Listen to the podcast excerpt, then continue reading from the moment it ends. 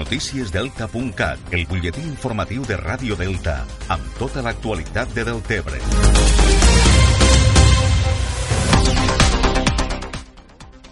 Repassem ara l'actualitat d'avui dilluns a Ràdio Delta. La parròquia Sant Miquel de Deltebre continua enguany en la celebració dels 200 anys amb diferents actes fins al mes de maig, quan es farà la clausura de l'aniversari. Entre els actes que hi ha previstos destaca la celebració el 30 i 31 de març d'un gran concert de gospel amb fins a 200 veus participants. Per a acollir tots els components del cor, el Little Light Gospel Choir, el rector de la parròquia, Joan Guerola, ha explicat que es demanarà la col·laboració de veïns i veïnes del municipi perquè puguen acollir a casa seua els components d'aquest cor de gospel gospel. Pues fer aquesta iniciativa, que consta en l'acolliment d'aquestes 200 persones en famílies. I les cases del nostre poble pues, acollir durant una nit i el matí del diumenge pues, a, a persones, no? persones que canten des de, des de pràcticament 12 anys fins als 80 anys, no? que són 200 persones. No? I aquell matí del dissabte fer un petit taller gospel durant el dia i després per la tarda el que és el gran concert. No?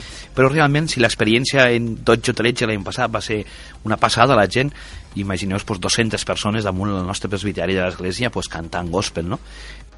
Entre els actes que s'han realitzat per celebrar els 200 anys de la parròquia destaca la fundició d'una nova campana i la presentació del llibre dels 200 anys de la parròquia Sant Miquel, escrit per Josep Bertomeu Mercè.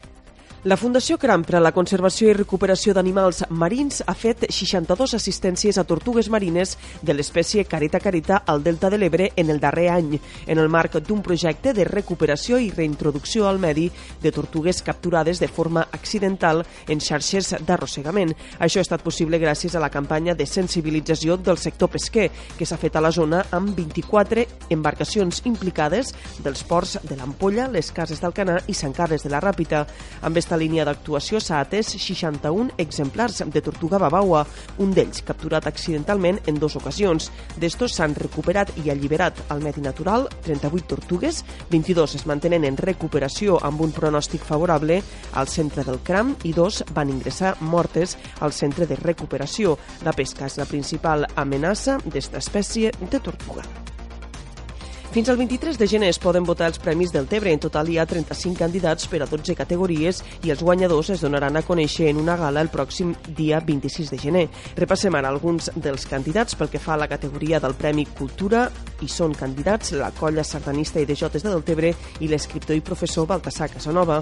El Premi Esportiu hi opten Edu Saborido, gerent de la sala d'entrenament Orígens de Deltebre, Sergi Miranda, atleta de twirling i Joan Ferrer, subcampió a la Lliga Nacional de Força. Cal cal recordar es pot votar electrònicament a la web del Tebre Participa o presencialment a l'Ajuntament. Repassem ara els resultats del cap de setmana dels equips de Deltebre a la tercera catalana victòria del Jesús i Maria i la Cava que escalen posicions a la taula classificatòria. El Jesús i Maria va imposar-se 0 a 2 al camp del Corbera d'Ebre amb gols d'Oriol i es manté quina la classificació amb 30 punts. La Cava va golejar 4 a 0 al Mas d'Enverge amb dos gols de Manel Tomàs, Ferran Roig i Sergi Grau. Esta victòria permet a la Cava situar-se sext amb 28 punts. I pel que fa a la tercera catalana van perdre els dos equips del municipi municipi. La Cadavera va perdre 0 a 2 al camp del Xerta i el del Tebre es va emportar una derrota per 3 a 1 del camp de l'Arnes. Això és tot de moment. Més informació al portal deltacat.cat.